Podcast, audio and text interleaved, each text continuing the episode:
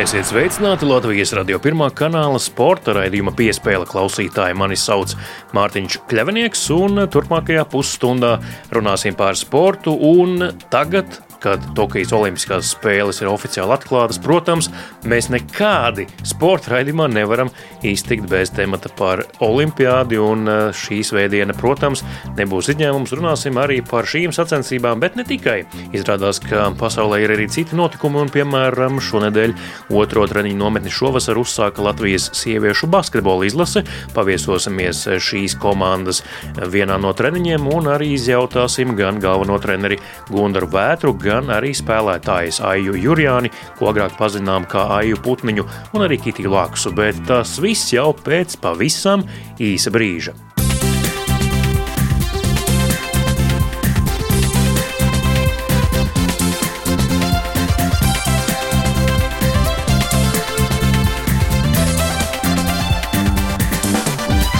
Jūs klausāties Latvijas radio pirmā kanāla sporta raidījuma piespēle studijā Mārtiņš Kļavinieks.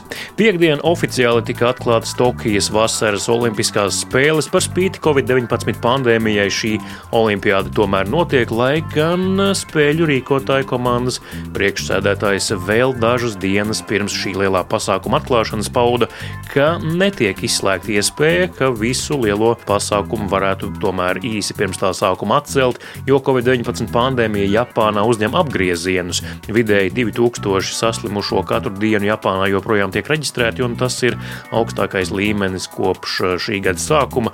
Katrā gadījumā pandēmija ir klātesoša arī Tokijas Olimpiskajās spēlēs, un to sestdien izjūt arī Latvijas delegācija, jo uh, plānots bija, ka Tokijā startēs 33 Latvijas atlēti, bet diemžēl šobrīd zināms, ka tie būs par vienu mazāk, proti Džudis Jevgeņijs Borodovko, kuram šī būtu bijusi jau ceturtā olimpiāda karjerā, saņēmis arī otro atbildi par covid testa rezultātu, un arī tā bijusi pozitīva, kas nozīmē, ka viņš rītdien lidmašīnā uz Tokiju nekāps. Bet Olimpiskajās spēlēs piedalās citi Latvijas atlēti. Sestdien bija pirmā sacensību diena, tad startēja Toms Skuiņš un Krists Nēlāns.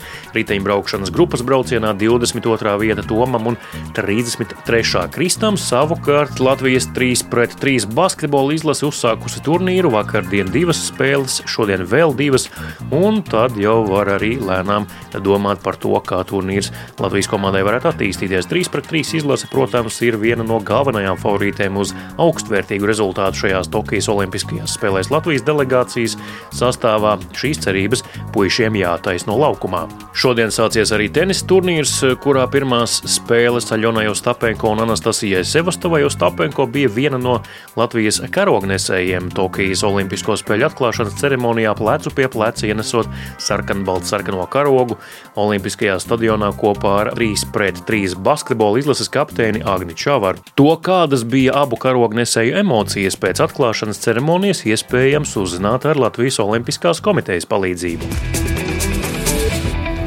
Tas emocijas, kuras bija, kad uh, mēs iegājām stadionā ar karogu rokās, ļoti, ļoti patīkamus un labus emocijas, ļoti pozitīvas emocijas. Man liekas, ka daudzi sportisti sapņo par to.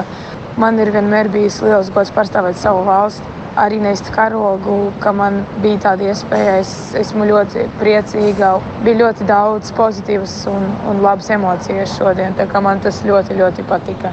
Ļoti patīkams un ļoti pozitīvs, protams tās emocijas, ka tu tieši iegāji tajā stadionā un tā ilgā gaidīšana, tā kā uzkāpjot uz uh, septītā mākoņa uh, malas un vienkārši tik tiešām emocionāls mirklis, kā Džeka arī teica, viņi kaut vai nenes karogu, viņi gāja kā delegācijas pūli. Viņi teica, ja būtu vēl skatītāji, viņi būtu visi apraudājušies. Tā kā tiešām ļoti emocionāls mirklis un jā, tiešām jāpasakās Lokam un Lovam, ka tieši izvēlēja mani laikam šajā karogu nesēju un Aļonu. Tas bija tiešām uh, ļoti patīkami un cieņpilni. Pastāstiet vēl, ko jūs satikāt? Mēs satikām, beidzot satikām 5 pret 5 basketbola uh, izlasi no Amerikas un uh, superzvaigznes uh, no NBA. Tas mums kā basketbolistiem tas ir sapņu piepildījums.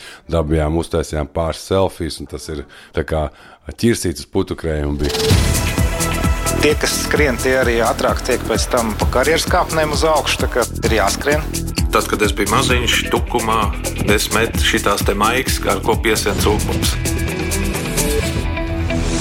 Tādas lūk, Aļonas Ostapenko un Agņa Čavana emocijas pēc Latvijas karoga ienešanas Tokijas Olimpiskajā stadionā. Olimpiskās spēles piekdien tika oficiāli atklātas, tātad pirmie mači arī latviešu izpildījumā jau aizvadīti, un arī pirmie darba augļi jau dzirdami Latvijas radioetrā mūsu žurnālistu Māra Berga un Tāļa Eipora izpildījumā. Viņa atrodas Tokijā klātienē, vēro mačus, sacensības un arī runā ar sportistiem pēc to noslēguma, taču žurnālistu darbs šajās Olimpiskajās spēlēs ir krietni ierobežots tieši pandēmijas dēļ un tādēļ, ka Tokijā izsludināts ārkārtas stāvoklis līdz pat 22. augustam. Par to, kā žurnālista darbs šajās spēlēs atšķiras no tā, kas bijis iepriekšējās Olimpiādēs, to jautāju jau septiņās Olimpiskajās spēlēs strādājušajam Tālim Eipuram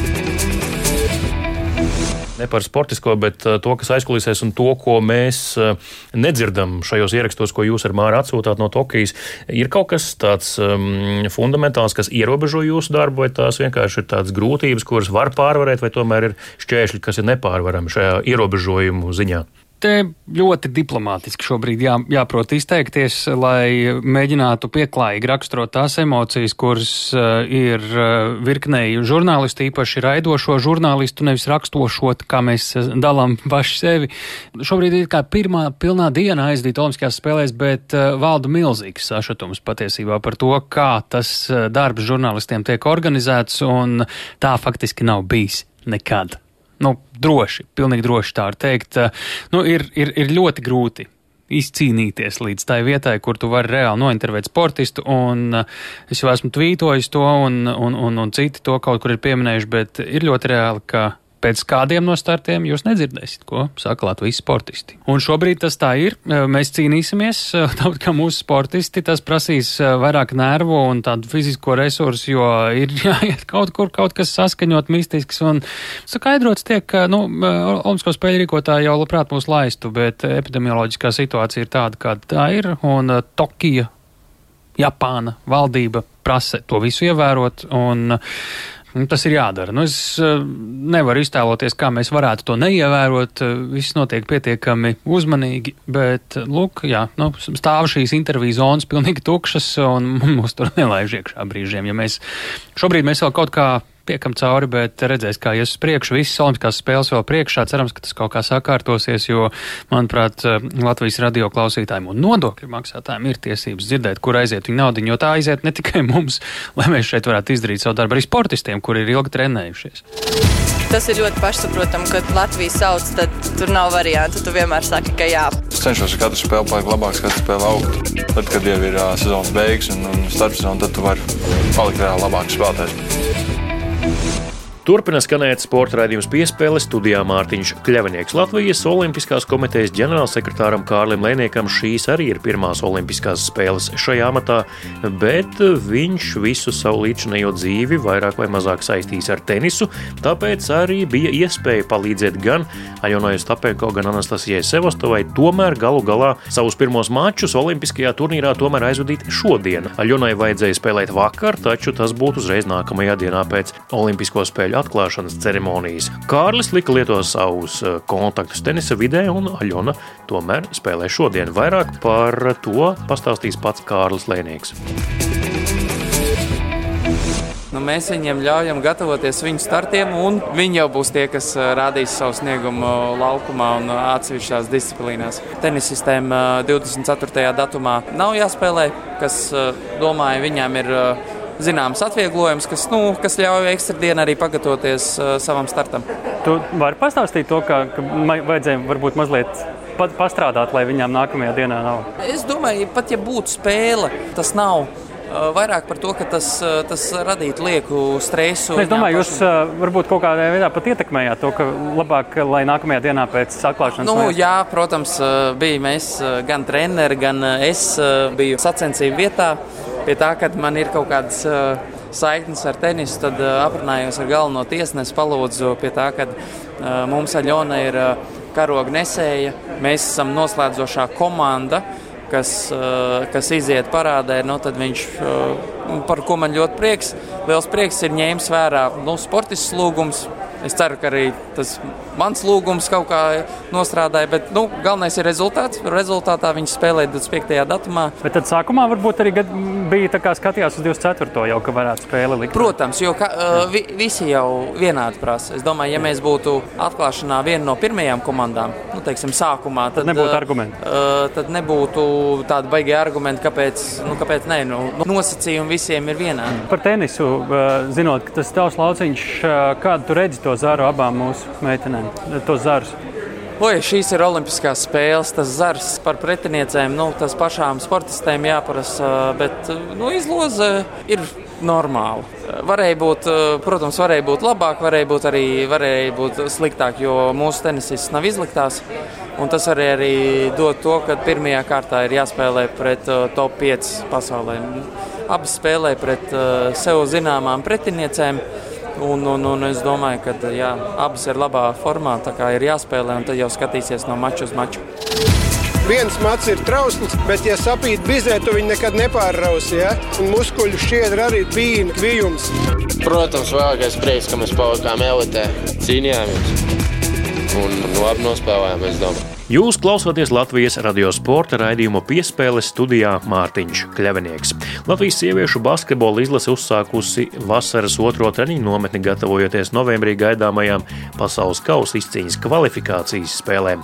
Šīs nometnes beigās eh, pašā jūlijā pēdējā dienā un augusta sākumā gaidāmas arī pārbaudas spēles. Par darba plānu izvaicāju komandas jauno galveno treneri Gundaru Vētru. Treneris eh, pazīst jau visas meitenes tā pēc sejām. Sen jau dažus vairākus gadu desmitus jau pazīst gandrīz. Viss, nu, protams, ka pazīst. Varbūt jaunās meitenes mazliet man tā kā ir jāsaprot, ko viņas var un ko viņas nevar. Un, bet, bet lielāko daļu, protams, ka tās, kas ir ap 30, tās visas man jau pazīstams no seniem laikiem un tā kā sekoja līdzi un zina, kas notiek. Kā pagāja šis laiks brīdis līdz šodienai no jūsu iecelšanas amatā, ko jūs esat paveicis? Mums bija nometne, neliela nometne jūnijā, kad tur tāds parādījās variants, ja gadījumā kāda no komandām atlec uz Eiropas čempionātu dēļ kaut kādām problēmām, vai tur Covid vai nezinu kādām vēl ka mums bija paziņojums tāds, ka varētu būt, ka mēs esam pirmais svītrs. Tad mēs domājam, nu, ja tas tā tiešām ir, tad nu, būtu mazliet jāpagatavojas. Mēs tur tādu nometni mums bija divu nedēļu, diezgan nopietna. E, jūnijā pastrādājām. Pēc tam beigu, beigās bija skaidrs, ka uz to Eiropas čempionātu mēs braukt nebraucam, ka tur viss ir kārtībā ar visām pārējām komandām. Bet no mums, no mūsu viedokļa, bija ļoti laba nometne un, un daudzas labas lietas izdarījām. Un, un arī man, lai es apmēram saprastu, un meitenēm, lai saprastu manas prasības, mēs tā kā labi pastrādājām. Savācot meitenes, tas bija, ko mēs sākām. Mēs teicām, iespējams, ka tāda iespēja varētu parādīties, un aptaujājām, kuras ir gatavas. Jo nu, mēs arī nebija tas mērķis visām izjaukt vasaras plānus, un tā, jo arī šobrīd mums nav tāda, mēs neesam pilnā sastāvā visas, kuras mēs gribētu redzēt. Nav. Nu, vasara ir vasara, nu, un izlase ir tāda lieta, kur tu īsti nekādu piespiest nevari. Un, un, un arī varbūt arī vasarā, kad nav nekādas sociālās spēles, varbūt arī nav vajadzīgs. Bet atsaucība bija laba. Viss, kas gribēja tās, viss, es domāju, ka lielākā daļa meitenes bija, kas potenciāli varētu būt 12. arī novembrī. Jā, bija labs darbs. Šajā nometnē mēs paredzējām trīs pārbaudas spēles. Viena ar Igaunijas izlasi un divas ar Somijas izlasi. Mazliet pat tā kā šito, šo nometni mēs vairāk tā, kad tīri taktiskām lietām un lai mēs taisa spēlēs izskatītos daudz maz organizēt. Un, un tas ir viens ir tagad, bet arī, lai mēs novembrī, kad būs jau oficiālās spēles par atlases uz, uz, uz Eiropas čempionātu, lai mēs jau nu, lai būtu apmēram skaidrs, ko mēs gribam spēlēt, kā mēs gribam spēlēt, un aizsardzību un uzbrukumu. Cik vispār tas tiek monitorēts eh, komandā, varbūt no treneru puses vai savienības puses, kāda ir vakcinācijas situācija, kurām no meitenēm eh, ir abas vakcīnas, kuras varbūt vēl nav vakcinējušās? Nu, kāda ir situācija? Netiek monitorēts, par to mēs principā šobrīd runājuši neesam. Nu, es domāju, ka viena daļa ir izslimojusi arī, nu, tā skaitā arī es. Nu, kad, kad ka, ka, ka, nu, skatīsimies, kā situācija veidosies. Nekāds netiek nekāds spiediens vai nespiediens izdarīts. Jūsu iekšējā sadarbība treneru korpusā, kā tā ir līdz šim jau veidojusies, kā esat komunicējuši un varbūt jau esat sapratuši, ko katrs darīs un kāda būs uzdevuma katram? Nu, es domāju, ka veiksmīgi. Tāds arī bija tas, tas mērķis. Kā, e, savākt treneru kolektīvu nu, no tiem treneriem, kas ir šobrīd sieviešu basketbolā daudz maz teiksim, tā, nu, augstākajā, šobrīd, no augstākajā līmenī no Latvijas treneriem strādājuši. Nu, es domāju, ka gan treneris Ainārs Zvirziņš tur komentārus neprasa, gan Mārtiņš Zīberts. No nu, Mārtiņu mēs jau vispār esam ilgi daudz strādājuši kopā, gan vīriešu, gan sieviešu basketbolā. Mums, domāju, mums tā sadarbība ļoti veiksmīga vienmēr ir bijusi. Un, un plus Matīs Rožlaps, es domāju, ka šobrīd viens no jaunās paudzes treneriem, kas grib strādāt, nu, kas, es domāju, ka var strādāt, varēs strādāt nākotnē arī. Nu, kas, droši vien kļūs par treneru, labu treneru. Tā kā, tā kā es domāju, ka tas kolektīvs mums ir labs un viens otru mēs te papildām, apmainamies domām. Tur visiem jāsanāk kopā, ir, nu, kas, un, un, un, un jāsaliek galvas kopā un jāmēģina izdarīt kaut ko labu, ko mēs šeit varam izdarīt. Sieviešu darbs mums te sagaida diezgan nopietns. Jo, varbūt šobrīd tas talantu līmenis nav tāds, kāds viņš bija Net Jēkabsons savā laikā, bija Nieva Kubliņa un, un Baško. Un tas, es domāju, ka jo vairāk laika mēs pavadīsim kopā, te trenējoties, jo labāk. Tas varbūt arī ir tāds pierādījums darbos par to, ko basketbola vidē jau runā no pēdējos gadus piecus vismaz, ka nākam visi kopā, liekam galvas kopā un strādājam vienam mērķim.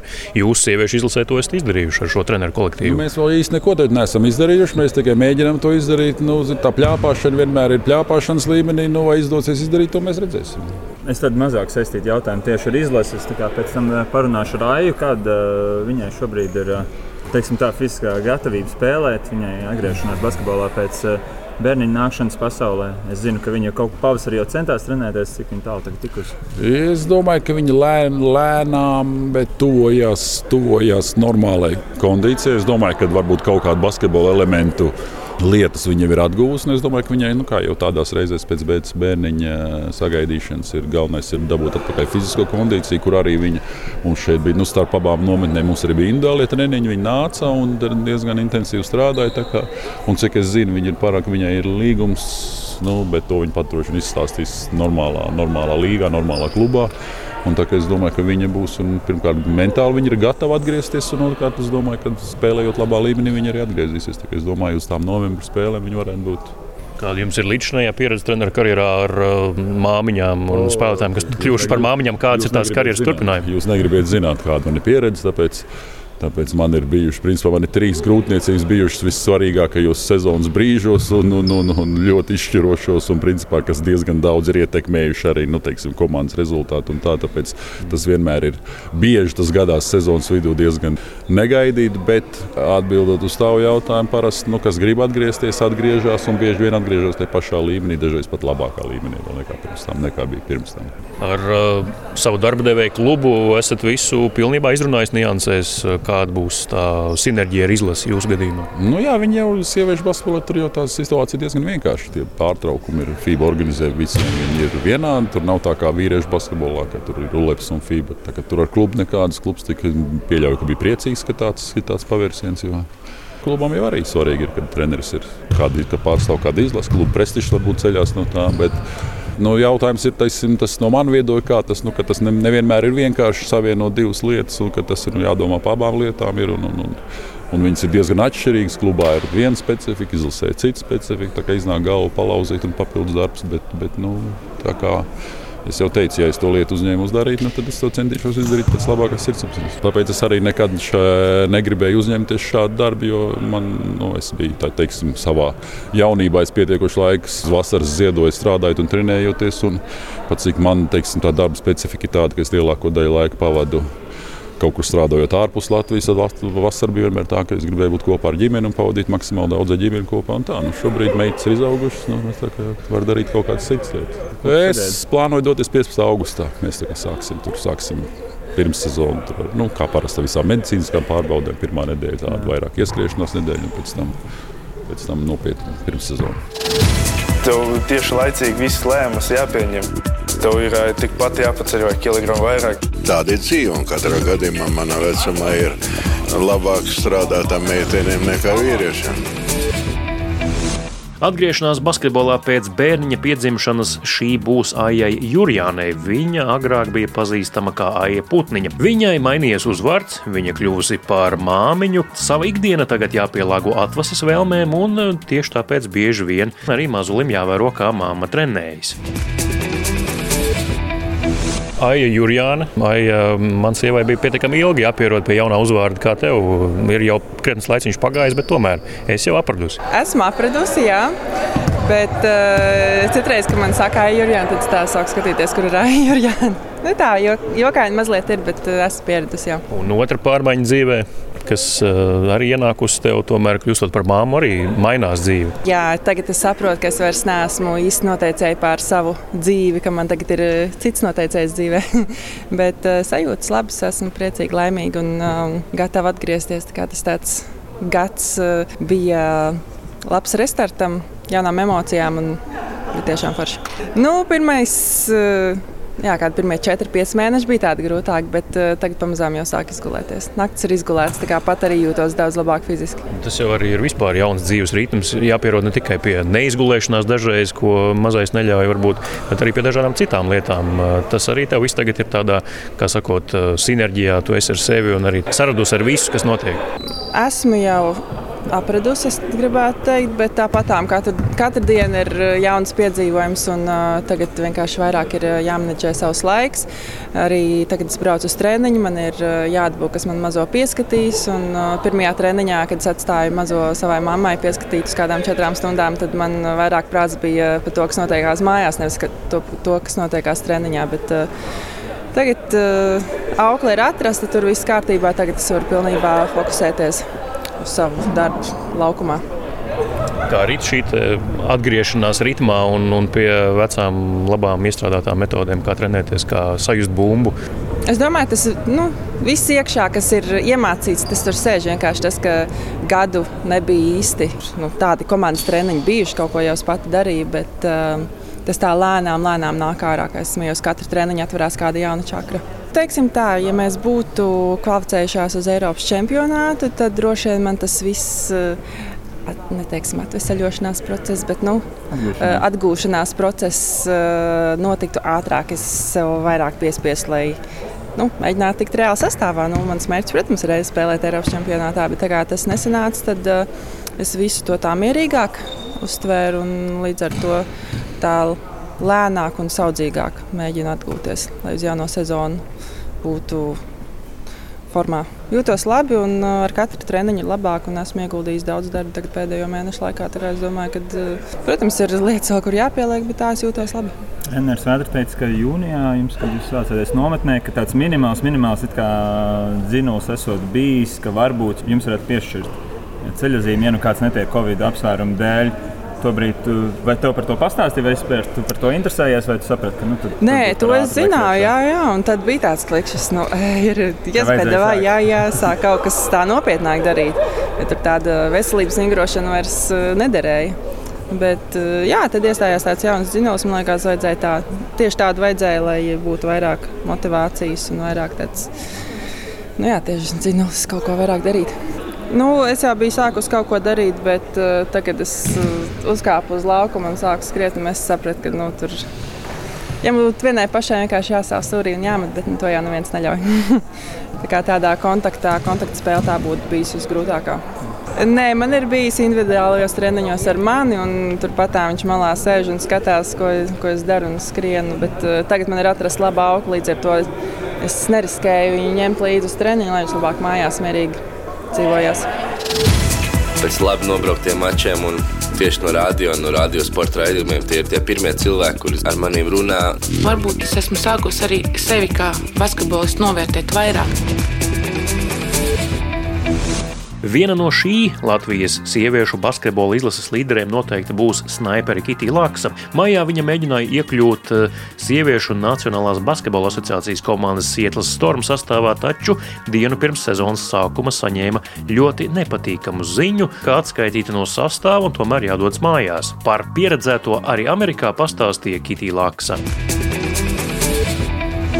Kitija Laksa sarunā ar Latvijas medijiem. Kitija droši vien jauns emociju vilnis atkal satiekoties ar izlases kolēģiem. Protams, jā, vienmēr ir forši atgriezties pie izlases. Vasarā ir īpaši sagatavoties, patrenēties, no jauna varbūt iepazīt treneru kolektīvu un kopā darboties vienmēr patīkami. Cik tev šķita pamatots tas nu, teiksim, tā, tā mazā gaismiņa tuneļa galā, ka jūs tomēr šovasar varētu spēlēt Eiropas čempionātā, kas parādījās vasaras sākumā? Nu, tas tā nosacīti. Nedomāju, ka tur liels iespējas tāpat bija, bet kā, kā ir tā jādzīvo, tādēļ mēs esam šeit, trenējamies un gatavojamies nākamajam posmam. Mirkļi varbūt tāds, tāds pa pazibēja tā informācija, bet tā kā ziņā man liekas, neviens tā ļoti uz to varbūt arī necerēja, nu, esot re reāliem. Nē. Tad droši vien arī jājautā, kā tev tas Amerikas stāsts beidzās. Beidzās. šai vasarai beidzās. Nu, skatīšos, kas nākotnē notiekās. Tā arī tas viss notika. Jā, protams, pajautāju to saucamo feedbacku, kaut kādu informāciju, ko man vajadzētu strādāt, un kas nebija pietiekoša. Diemžēl tā informācija nebija gana laba, lai neteiktu, ka ņemtu vērā, protams, ņemtu vērā, bet nebija pietiekami argumentēta. Līdz ar to varbūt tāda neliela sašutums arī tajā visā bija. Bet, uh, esmu tam tikus pāri un domāju par nākotni, domāju par uh, nākošo sezonu. Tā bija tāda standarta amerikāņu komunikācija, ka tikai labās frāzes un strādā, mēs tev gaidām. Aptuveni, jā, tā, tādēļ arī bija tāds neliels. Nu, kā ir, tā ir. Tagad Itālijas klubā viņi paziņojumā oficiāli minēja, ka tu varētu decembrī šķiet pārēt citu vienību, ja tev ir tāda vēlme ko tas ir balstīts, vai tev ir kaut kāds cits sapnis, vai par to nevar šobrīd stāstīt? Uh, nē, gatavojos sezonai, gatavojos būt komandā uz visu sezonu. Tas, kas notiks, tas notiks. Iespējas jau vienmēr ir labi, jo vairākas Jā. iespējas no kā izvēlēties, tas vienmēr ir labi, bet tas nav noteikti nekāds mans fokus vai arī kā citādāk. Fani itāļi vienmēr jau forši komunicēt ar faniem. Citādākā ziņā treneris, protams, nav vitāls, līdz ar to varbūt vieglāk tādā basketbola ziņā būs. Tas tāds, man liekas, jā, papildus bonus viņš jau vienmēr ir vietējo valodu zināt. Pagaidām mēs tikai tā iepazīstamies un saprotam, kas un kā. Ir šodien būs otrais treniņš, ko es šeit aizvedīšu. Esmu priecīgs šeit būt. Domāju, treneris arī ir gan, gan priecīgs savākt visas meitenes, kuras mēs šobrīd šeit esam. Tikai jānāk, jāstrādā. Vēl neesam nu, kārtīgi sākuši spēlēt. Domāju, visu izdosies gan apgūt, gan arī izdarīt tā, lai treneru korpus būtu saprastu mūsu, mēs saprastu viņus, un tas, tā teikt, veidot atkal no jauna savu veidu komandu.